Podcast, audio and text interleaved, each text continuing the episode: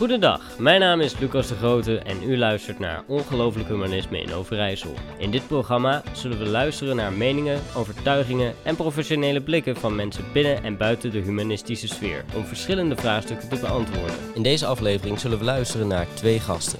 Beide zijn ze meegegaan met KMA-studenten en militairen. Een training. Wat is daarvan hun ervaring? Daar gaan we het in deze uitzending over hebben. Want hiernaast zit Bas. Ja, hallo. Bedankt dat ik te gast mag zijn in dit uh, programma. Ja, want uh, wat, was nou precies het idee? Nou, ik uh, ben zelf docent bij de opleiding journalistiek in Zwolle. en met, samen met een collega Egbert hebben wij contact gelegd met Defensie. Dat loopt al langer. En wat wij dan hebben bedacht is het zogenaamde project Embedded. En Embedded is een begrip bij journalisten dat je meegaat met een organisatie, in dit geval het leger. Dus dat je echt onderdeel wordt van het leger. En op die manier konden we journalistiek studenten die ervaring uh, bieden. En dat is uiteindelijk uh, afgelopen week ook gelukt. Dus we hebben een aantal studenten mee kunnen nemen in het leger. Natuurlijk niet naar een oorlogsgebied zelf, maar wel naar uh, een oefening in, in Nederland. En een van die studenten, dat was Anouk. Uh, Anouk zit tegenover mij. Uh, stel je eventjes voor. Uh, hallo, mijn naam is Anouk. ik ben student journalistiek aan de opleiding Windesheim Zwolle. En ik ben een vorige, deze week, oh, ik ben deze week, het voelt heel lang. Ik ben deze week meegeweest op militaire oefening voor project Embedded inderdaad. Ja, en dus jullie hadden het allemaal geregeld, Bas. wat was Jullie hadden waarschijnlijk wel een soort van vooropgezet plan alvast gehoord, uh, wat, wat, er allemaal zou gaan gebeuren. Ja, het is uh, wat je aan het begin vertelde. Het gaat om uh, studenten, uh, of althans bij de militairen ook om een soort van studenten. Zij doen een opleiding waarna ze de rang van luitenant krijgen. Dat, dat is een kleinere groep en daar doen dan ook een heel aantal manschappen aan mee. Die, die worden dan aangestuurd en dat is ook onderdeel van hun week dat ze leiding moeten gaan geven. Uh, en de, onze journalistiekstudenten zijn dan eigenlijk mee als, uh, deels ook als luis in de pels. Dus die staan naast met een camera en met een fototoestel en stellen vervelende vragen. Uh, en dat is ook onderdeel van de oefening om, om daarmee om te gaan. En voor onze studenten is het ook leerzaam om de journalistieke producties te draaien, maar ook om van binnenuit de cultuur mee te maken van, van het leger. Wat natuurlijk een heel andere cultuur is, een heel andere manier van met elkaar omgaan dan, dan in het dagelijks leven. Daar zitten hele grote verschillen tussen. Anouk, een cultuur? Heb je dat wel gevoeld? Absoluut. Er is absoluut een cultuurverschil tussen uh, wat zij noemen de burgermaatschappij en uh, defensie. Um, het grootste cultuurverschil is misschien ook nog wel het feit dat um, de verwachtingen, uh, ze zijn heel erg als ik, ik heb heel veel gesproken met militairen, ook gewoon tussendoor, zonder dat we de camera op hun snoet hadden, om zo te zeggen. En heel veel zeiden ook wel van ze um, dat defense, dat als je militair bent, je bent geen militair, je kan het, je bent, als je gaat, ben je volledig militair. Dus je houdt je aan alle gedragsregels en dat is best wel voor sommige mensen uh, zwaar. En dat merkt hij ook wel deze week, dat ze heel zwaar aan het ambt hangen, om zo te zeggen.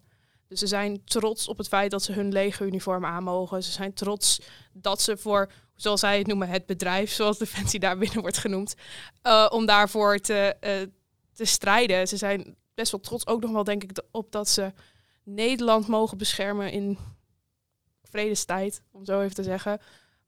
En um, ja, je merkt wel dat er verschil is tussen inderdaad het burger zijn en ook hoe je kijkt als burger naar defensie. Dat merkte ik ook al wel. Maar dat zal jij denk ik ook wel hebben gemerkt. Een beetje dat stukje dat, uh, dat het stukje defensie en burger, dat dat soms een beetje wringt, of niet? Ja, ja dat heb ik wel gemerkt, ja.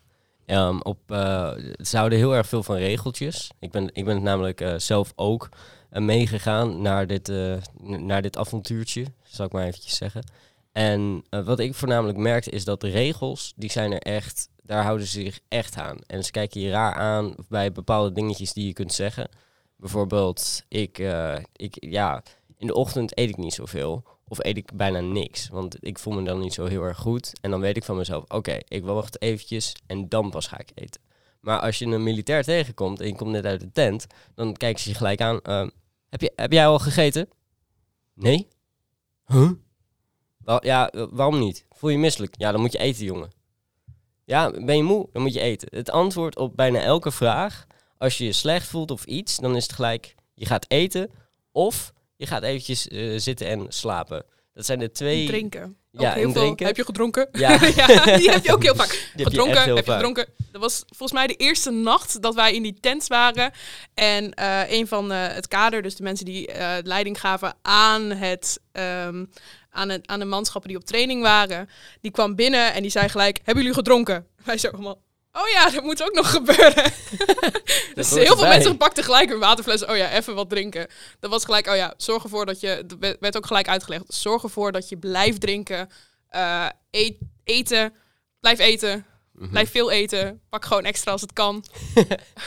Ja, ja dat Ja. was ook. eh, eh, ik, ik was dan ook meer vanuit de journalistiek als, als begeleiding aanwezig. Dus ik had wat meer een coördinerende rol. Dus ik zag het wat meer van een afstandje. Het- Mhm. Sommige studenten, sommige eh, manschappen die beklaagden zich erover dat, dat wij niet altijd meededen, maar wij moesten het overzicht houden. Dat was ons excuus om bijvoorbeeld niet het, het ijsbad in te gaan. Hè, want dat is ook iets wat we hebben gedaan. Ehm, het, het ijsbad, dat je twee minuten in een ijsbad moest gaan zitten. Dat, dat was dan een opdracht voor de manschappen, voor de eh, militairen, de kadetten in opleiding. Ja, Maar daar deden, daar deden jullie ook aan mee. Aan de, de journalistiek studenten zijn ook dat ijsbad ingegaan. Het is koud. Ja, ja. En Nee, tijdens- echt waar? Ja, dat, was twee minuten en dan je ademhaling controleren. Dat is onderdeel van, van hè, een, een dag eh, van die oefening. Mhm. Eh, maar wat je ook, wat bij die oefening ook, eh, wat mij wel opviel, het is, eh, er wordt een situatie gecreëerd van onvoorspelbaarheid. Dat was echt een paar dagen waarop je ook niet weet, bijvoorbeeld wat er s'nachts gebeurt. Je wordt soms uit je bed gehaald, je moet ergens heen, je moet een mars doen.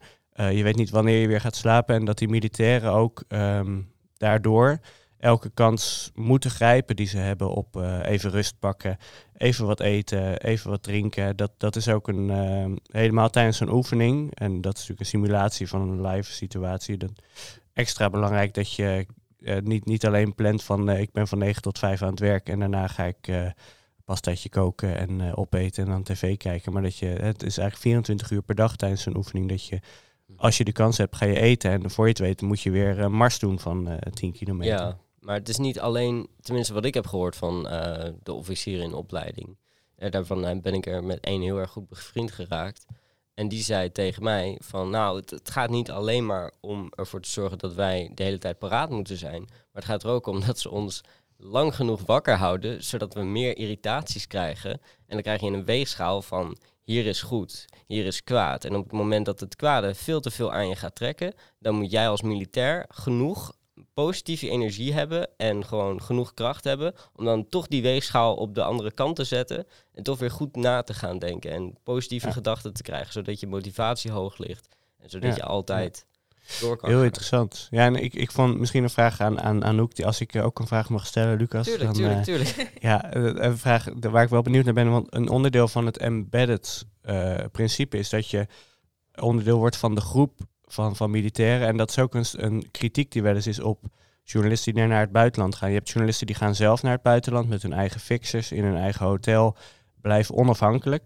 Je hebt ook journalisten die gaan embedded met het leger. Dat zie je nu ook in eh, Oekraïne en Rusland. Hè. Ook in, eh, bij het Oekraïense leger zijn journalisten embedded. Ehm, die gaan zich identificeren met één kant in het conflict. Die gaan ze, en uh, die gaan misschien ook wel, als ze zien dat er iets fout gaat van je eigen club, zoals dat dan voelt, dat je daar dan niet over schrijft als journalist. Hoe, hoe kijk jij daar tegenaan? eh? Je krijgt inderdaad wel dat je ehm, ehm, meer sympathie misschien krijgt met de club waarmee je meegaat. Ja. Maar aan de andere kant had ik ook wel constant van... ehm, je moet wel die onafhankelijkheid zit wel... ha- Had ik wel heel erg. Dat ik wel soms had, oké, ik moet wel even, even een stapje, soms fysiek even achteruit doen, even observeren. Wat gebeurt hier? En wat zijn de dingen die ik. eh, wat, wat zijn de nieuwswaarden die mijn publiek wil weten? Dat zijn wel dingen die als. Wat ik heel erg belangrijk vind als journalist. Gewoon kijken van. Ook soms even echt op een afstand gaan staan van de groep. Je even naast de groep ook zetten. Niet tegen de groep ingaan, maar naast gaan zetten. En gewoon gaan kijken van. Wat eh, is er no. Wat, wat, eh, wat ben ik hier aan het doen? Wat wil mijn publiek thuis weten? Dus je doelgroep, wat, wat, wat wil die weten? En ook strijk dat in tegen de haren en hoe. Al, ja, voor mijn gevoel als journalist moet je ook soms tegen die haren ingaan. Ja, en ja. dan moet je dat gewoon uitleggen aan ze. Ja, ik heb dit stuk gemaakt. Je kunt er wel heel boos over doen. Maar dit is wel de informatie die ik soms aan mijn publiek moet geven. Maar je zal altijd positiever gaan schrijven over de groep waarmee je meegaat. Omdat het ook het stuk is, je bent mee met de groep. Ja. Dus je maakt dingen mee. Je En, doet- en hadden jullie nu, hè, want, want Anouk was erbij en Luc, Lucas ook, ha- hadden jullie nu momenten dat je dacht, eh, nu strijk ik tegen de haren in of nu, eh, Ja, nu vinden ze me niet zo leuk meer? Ja, eh, Vaak genoeg. Ik denk dat de, eh, de KMA-studenten mij op een gegeven moment wel, eh, wel, wel redelijk mochten. Die hadden wel zoiets van, oké, nou, met, met hem kan ik wel een beetje praten en een beetje... Ja. eh, ja, toch wel ook wel over wat meer dingetjes praten dan alleen het leger. Ehm, maar ik zat wel met een paar eh, gewone militairen, gewoon beroepsmilitairen. dat zijn dan een manschap, eh, dat zijn de, dat zijn de manschappen. Ja? Ja. En die, eh, die hadden toch wel een beetje wat meer op de stok bij mij. Omdat ik, nou ja, wat, wat diepere... Wat, eh, ik, ik stel dan gewoon vragen uit mezelf. Zo van, oh, dit wil ik eigenlijk best wel weten. Eventjes vragen. Wat, wat voor vragen zijn dan, worden ervaren als irritant? Nou, bijvoorbeeld van, eh, waarom, waarom, waarom moeten jullie dan zoveel eten? Wa- waarom? Ja. Dat was gewoon een vraag. Zoiets van, ja, nou... je hebt heel veel moeite gehad met het eetregime van de Ik heb, het, ik heb het heel erg moeilijk gehad, oké? Het is heel moeilijk. Het is heel moeilijk. Dus zij Ik zegt moest tegen ineens jou, pasta eh, door mijn mond halen. Ik kon er niet tegen. Ze, Nee, zeggen, ehm, ze zeggen tegen jou, je moet eten en dan vraag jij, waarom dan? Ja, waarom? Dus ik vraag, waarom, waarom doen jullie dat? En dan krijg je, dan krijg je een uitleg. Ja. En uiteindelijk, dan ga ik gewoon, ik ga gewoon dieper, want dat vind ik, dat vind ik fijn, dat vind ik leuk. Want dan wil ik gewoon meer weten over dat ene ding. En dan kwam ik ineens erop van, oh, hier heeft iemand iets meegemaakt waarbij er iemand is, nou ja, dood gegaan. Ja, Eh, want nou ja, dat gebeurt natuurlijk ook wel binnen, binnen andere colleges en andere Ja. nou, colleges, universiteiten, eh, andere plekken Ja. waar mensen zelfmoord plegen. En dat gebeurt ook daar. Ja. En eh, toen kreeg ik wel eventjes wat op mijn, op mijn stok, omdat ik dan te veel vraag. En dan kom je achter dingetjes en dat is dan... eh, het ging over een ervaring. Eh, ging iemand over een ervaring Iemand die en- dicht bij hem een suïcide had meegemaakt. En Ja. eh, als je dan doorvraagt, dan, dan stuit je op dat het... dan je diep daarop. gaat eigenlijk. dan ga je te diep en al helemaal voor militairen. Want die Ja, hebben dan zoiets van, nou, je moet wel een zekere mate van macho in je... In je, in je eh, je kan niet Ik helemaal ben het in niet dat helemaal gevoel. mee eens hoor. Want ze, ze kregen rauw op hun dak dat ze journalisten meekregen. Dat wisten ze van tevoren niet. Oh ja, hier zijn een paar burgers. Veel plezier ermee. Ja. En ik had ook wel van ja, ik was wel met het plan van ik wil wel zoveel mogelijk weten over Defensie en ook hoe het gevoel daarbinnen is. Maar ik probeerde wel niet gelijk de diepte met ze in te gaan. Dus wat ik wel heel, wat misschien ook wel het stukje is van moet je gelijk in de diepte gaan met mensen die je niet kent. Want deze groep, eh, eh, het was al, wat, ik ging gelijk eigenlijk eerst ging kijken van, oké, wat is de groepsdynamiek hier? mhm. En wat ik merkte was, het, het is een samengeraapt stukje eh, design. Ehm, wat ik ook heel veel hoorde, de, er is geld, er komt nu geld vrij, 2% eh, BP, 2% van ons bruto nationaal product gaan we gewoon halen, de NATO-norm. Eindelijk een keer, moet ik er wel echt bij zeggen. Ehm, maar ehm, dat geld moet ook, gaat niet gelijk door naar, naar personeel Mhm. er is gewoon een heel groot personeelstekort en dat merken ze ook. Dus dit was eigenlijk een samengeraapt soortje en dan is het Ja. lastiger om gelijk over gevoel te praten als je diegene niet kent. En als journalist wil je wel weten wat het gevoel is, maar om gelijk te gaan beginnen over gevoel vond ik heel lastig om te doen. En dat, dat personeelstekort, eh, hoe, werkt dat precies? Eh, d- want bij die oefening, er waren gewoon eh, beroepsmilitairen eh, en, en de mensen die in opleiding waren tot luitenant. Eh, hoe, hoe hoorde je daarover? Hoe praten ze daar zelf over? De, was het echt zo moeilijk om mensen te vinden? Of? Nou, dat niet zozeer. Het was niet moeilijk om dit te vinden. Maar wat ik hoorde was eh, gelijk eh, tussen de manschappen, dus niet tussen de kadetten die eh, in opleiding waren.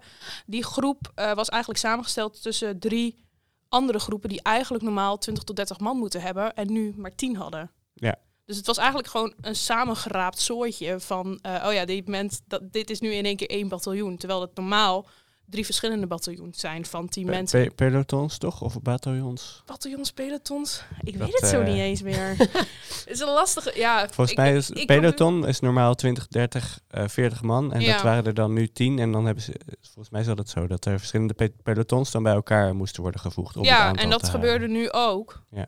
En dat merk ik persoonlijk merkte ik wel een klein beetje dat ze dat ook met elkaar hadden van we gaan niet de diepte in.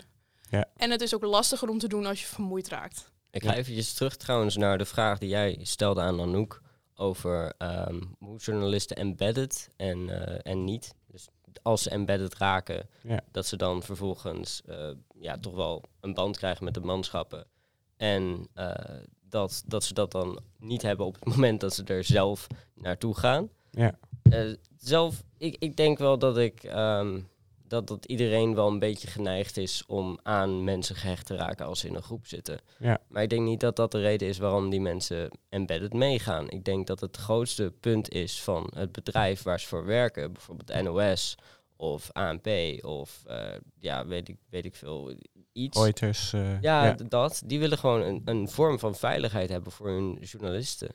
Ja. En dat heb je ook wel gezien, want in Oekraïne werden er ineens heel veel NOS-personeel werd teruggehaald. Ja. Omdat, Rusland ook. ja, omdat op het moment dat als zij slachtoffer zouden worden, Ja. dan zijn ze gelijk ook, dan is de NOS aansprakelijk. Ja. En daar moeten ze ook een beetje rekening houden. Dus mensen dan meesturen embedded, waardoor ze toch wel een beetje een soort van veiligheid hebben, dat is dan wel een. Dus soms is het de enige manier waarop je nog veilig dicht bij de actie, dicht bij ik, de ik denk van wel. Ik, weet het natuurlijk niet, maar ik denk wel dat Ja. het een, een zekere vorm van veiligheid moet bieden voor Ja. de journalist. Ja, dat speelt mee. Ja.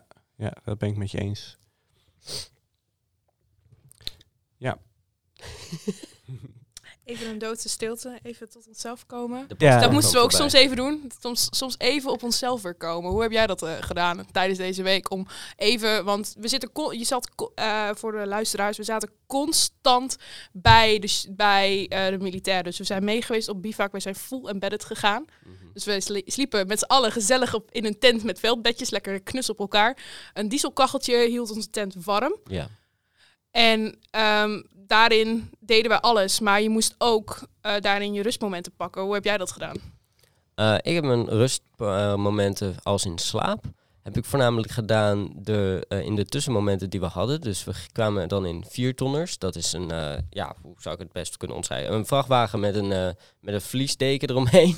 dat is een beetje wat zo'n wat zo'n viertonner is. En daar zit je dan in, op, allemaal van die eh, rare stoeltjes. En dan Op klapstoeltjes. klapstoeltjes, ja. En dan, eh, ja, dan, dan val ik daar gewoon rustig in slaap. Zo van, ja, ja, dat is een heel leuk. eh, Jij was snel weg. Jij was snel weg vaak. Ja, ja. ik, was, ik, ik, ik ben heel makkelijk met, eh, met slaap en ik weet, ik weet niet hoe. Maar eh, soms dan heb je ook wel gewoon dat de omgeving gewoon heel druk is. En dan zijn mensen heel erg veel bezig. En dan heb ik toch zoiets van, oké, ik ga me eventjes afzijdig houden, want nu wordt het een beetje veel. En dan loop ik eventjes, eh, dan ga ik een wandeling maken en eh, daar weet Bas wel wat eh, het een en ander over. Ja, dat willen, was willen ook, we het hierover hebben even? Willen Oh we, ja, willen we het was- hebben over de wandelingen? hoeft niet heel, nou, het hoeft niet heel diepgaand, maar het was wel. we, we hebben, je hebt tijdens zo'n oefening conflicten wel ook ehm, met, met de journalistiekstudenten en de, eh, de kadetten. En, en de organisatie meer in het geheel van Defensie, waarbij je toch op een oefenterrein zit, waar ook eh, bijvoorbeeld schietoefeningen zijn. En waarbij ook studenten zijn die af en toe even een wandelingetje willen maken. eh, Zoals Je zegt studenten alsof het er meer waren. ja, ik, eh, eh, maar dat, dat was in dit geval, ja, dat, dan, en als je dan niet weet waar iemand is en ik krijg als begeleider de vraag van, hé, hey, waar is in dit geval Lucas? En die is een wandeling aan het maken, maar waar? Want er rijden ook panzerwagens rond.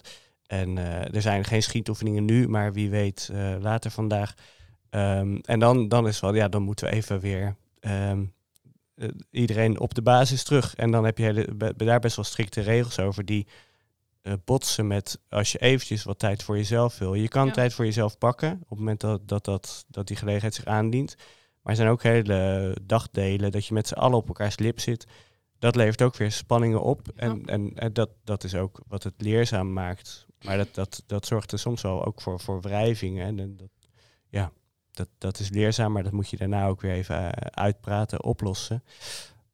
Ja, dat maakt het interessant, maar ook heel intensief. Dus we hebben nu vier dagen doorgebracht in deze oefening. Dat, dat was ook echt een, een goede lengte, denk ik. Ja. Ja. Anouk hadden, wilde Ja, één ik, dagje ik, langer. Ik wilde één dag langer, omdat je dan echt de vermoeidheid had. En ook echt even van... Ja, je moet echt even dat breekpunt bereiken. Want dan haal je er voor ja, mijn voornamelijk gevoel... de, de hagel die er daarna mee kwam. kwa- Ja, die hagel. ja, op de laatste dag ha- was er regen en hagel. Het was heftig. Nou, het viel eigenlijk wel mee. Maar goed, wij hoefden niet af te breken. Maar als we dat nog hadden meegemaakt, nog even één dag extra, dan voor mijn gevoel, ehm, ik hou er wel van om even lekker over het breekpunt heen te gaan. Want dan leer je er ook weer wat van. Ja, ik heb hele wijze lessen echt geleerd in deze week. Ja. Ook over eh, de. Ik weet niet, eh, anders knipt dit er even uit. Eh, over. eh, het ging voornamelijk over mentale weerbaarheid. En de mentale weerbaarheid is zowel als burger, om even zo te zeggen, als defensiepersoneel gewoon heel belangrijk. Je Ja. moet gewoon leren hoe zorg ik ervoor dat ik mentaal sterk genoeg ben dat ik gewoon door het leven kan, zonder dat ik om de haverklap neerval. En die lessen zijn, heb ik, die lessen zijn geleerd door, zijn gegeven aan Defensie, Ja. maar zijn ook gegeven deels aan ons. En ik vond dat heel mooi, echt. En daar heb ik ook echt waardering voor dat ze dat ook. Oh, ondertussen komt de NOS binnen, waarschijnlijk over eh, Oekraïne. Ja, waarschijnlijk de tientallen doden aan een raketaanval. Dit wordt opgenomen op vrijdagochtend, even voor, Ja, ja. voor context. Ehm, en ehm, waar was ik? Ik was bij mentale weerbaarheid. Ja, Ja. eh, dat, die lessen die neem je echt wel mee. En die lessen neem ik spreek nu voor- misschien voor mezelf, maar misschien ook wel voor jou, dat we beide de lessen daarin hadden. Ik, denk- ik denk Bas ook wel trouwens. Ik, eh, nou ja, ik, ik, ik, had, ik was wel blij met mijn coördinerende rol. Ik heb dat breekpunt Ja? dus niet, niet gehad, want ik heb elke nacht doorgeslapen. En dan hoorde ik in de ochtend weer wat jullie allemaal Mhm. s'nachts gedaan hebben. Ik heb wel bij studenten gezien dat, dat ze eh, dicht bij een breekpunt kwamen of dat ze echt eventjes er doorheen zaten. En, en dat vond ik wel interessant, maar dat maakt het ook eh, belangrijk om er goed mee om te gaan. Ik denk dat dat uiteindelijk wel gelukt is, maar in die zin heel anders dan, dan reguliere lessen waarbij je toch twee uur bij elkaar in het lokaal zit en over inhoudelijke dingen praat. Ehm, maar heel, heel leerzaam. En voor mij dan vooral om, het te coördineren, om het te zien, om erbij te kunnen eh, begeleiden. Ja. Wa- waarom koos je er eigenlijk voor om dan elke nacht te slapen? Eh, nou, iemand moet toch eh, het fort bewaken en Ah, eh, kunnen Ja. ingrijpen als er mocht er iets misgaan. Hè, dus dat, dat eh, was mijn rol. Ik weet niet wat daar gebeurde. Misschien moet het toch een beetje meer op discipline gaan letten met telefoons ook. Heb je trouwens veel op je telefoon gezeten tijdens die, eh, tijden- tijdens, eh, die bivak? Nee. Of, ik heb Nee. er ook echt geen gevoel aan gehad. Als Nee. we gaan knippen. Bas, En, eh, nee, dat je lacht. ja, eh, nou, misschien naar, het- als we naar het einde van dit interview toe werken, inderdaad. eh, ja, weinig telefoon, weinig televisie, Mhm. eh, veel fysieke inspanning. Gaan jullie, nemen jullie dat nog mee? Gaan jullie dat vaker doen? ja. Anouk wel, Minder. Lucas. En minder op mijn telefoon. Ah, ik denk dat dat als journalist echt een, eh, nee, een, een no-go is. Nee, nee, nee, nee, nee, nee. Op sommige momenten moet je echt gewoon even die telefoon gewoon... Nee, maar ik, ik, ben, ik ben zo vaak alleen maar nieuwtjes aan het lezen.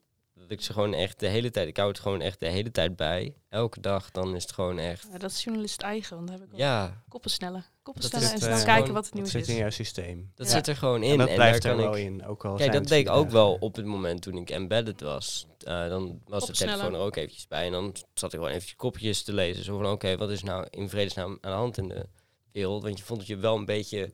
Op het moment dat je embedded bent, dan zit je in een tent. Dan zit je met allemaal mensen erin. En je voelt gewoon, je hebt hier je eigen leventje. En dat is ook de reden waarom, tenminste wat ik hoorde van de eh, studenten, is...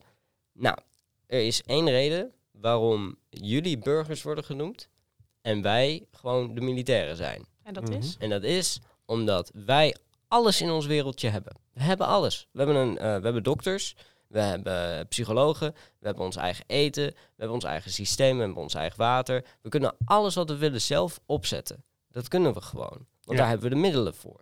Dus we zijn in, in zekere zin een eigen cultuur binnen Nederland. Ja. Omdat we zo worden geregeld. En daarom zijn jullie burgers, want jullie zijn niet van ons.